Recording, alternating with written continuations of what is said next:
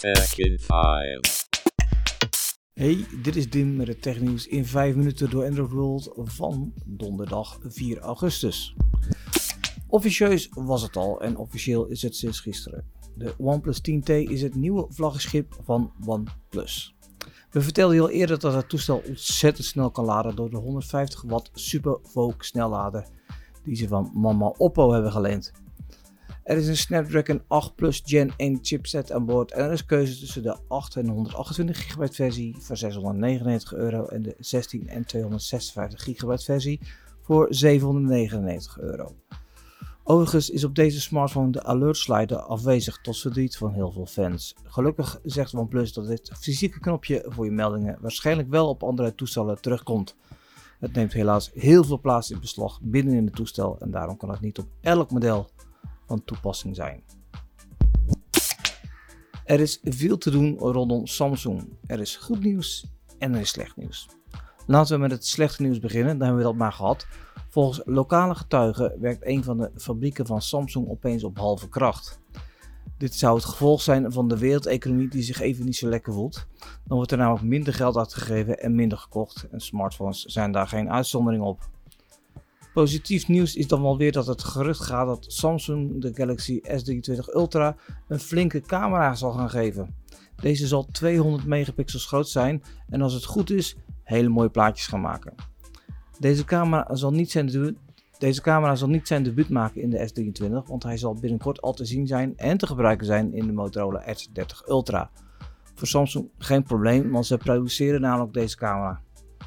10 augustus komt steeds dichterbij en dat is de dag dat Samsung zijn nieuwe foldables en de Watch 5 zal gaan aankondigen. De belangstelling gaat vooral uit naar de smartwatch. Het laatste gerucht rond deze wearable is dat de oplaadtijd flink verkort zal worden. Door een nieuwe lader zal de Watch 5 in een half uur voor 45% opgeladen kunnen worden. Apple stelt de release van iPad OS 16 uit. Tenminste, dat schrijft Bloomberg op basis van mensen die het kunnen weten. Doorgaans verschijnen de updates voor een OS van Apple in september, maar de bezitters van een iPad, en dat zijn er heel wat, zullen waarschijnlijk een maandje langer moeten wachten. Deze vertraging zal komen door de integratie van een nieuwe manier van multitasken met de naam Stage Manager.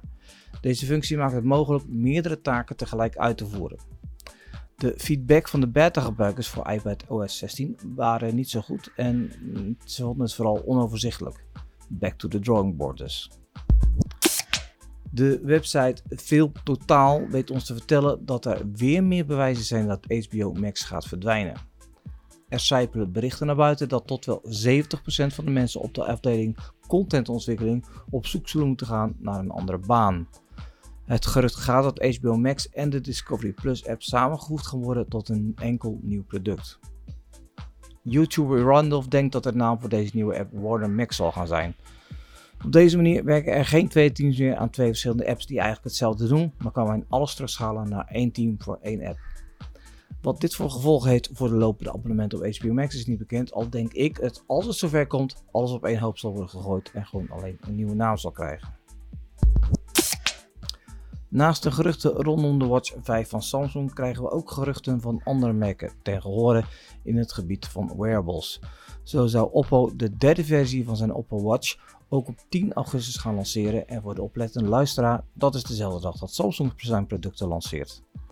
Oppo zal drie versies van zijn watch lanceren, twee verschillende formaten en een Pro-versie.